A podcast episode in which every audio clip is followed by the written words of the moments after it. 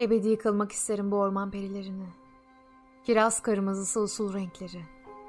Uykudan yorgun düşmüş, uçuşuyor havada. Bir düşü mü sevdim ben? Gerçek ormanlardaki nice ince dallarda. Eski gecenin yığını kuşkun, kanıtlanmakta.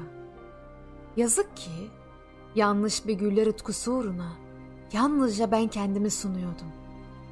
Söylediğin bu kadınlar, masalsı duyguların gerçekleşmesi dileği midir?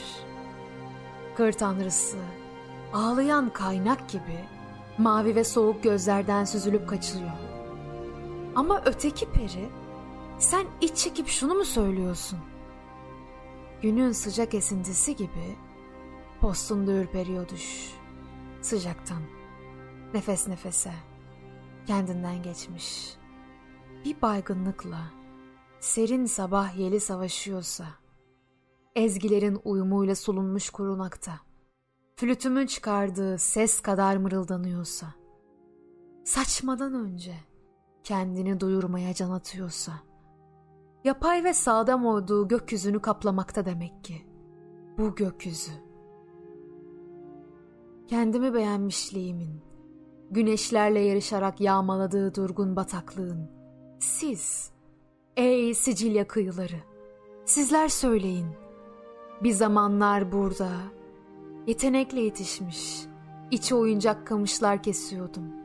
Sular dalgalandığı zaman, her şey durgun, devinimsiz akıyor. Ormanın altın ve kül rengi aldığı şu anda, coşkulu bir şölen varmış sönmüş dallarda. Etna, Tanrıça Venüs ziyaret etti seni. Sözlerin sahipsiz ruhu bu beden. Geç ağırlaşmış beden. Katlanıyor, çaresiz.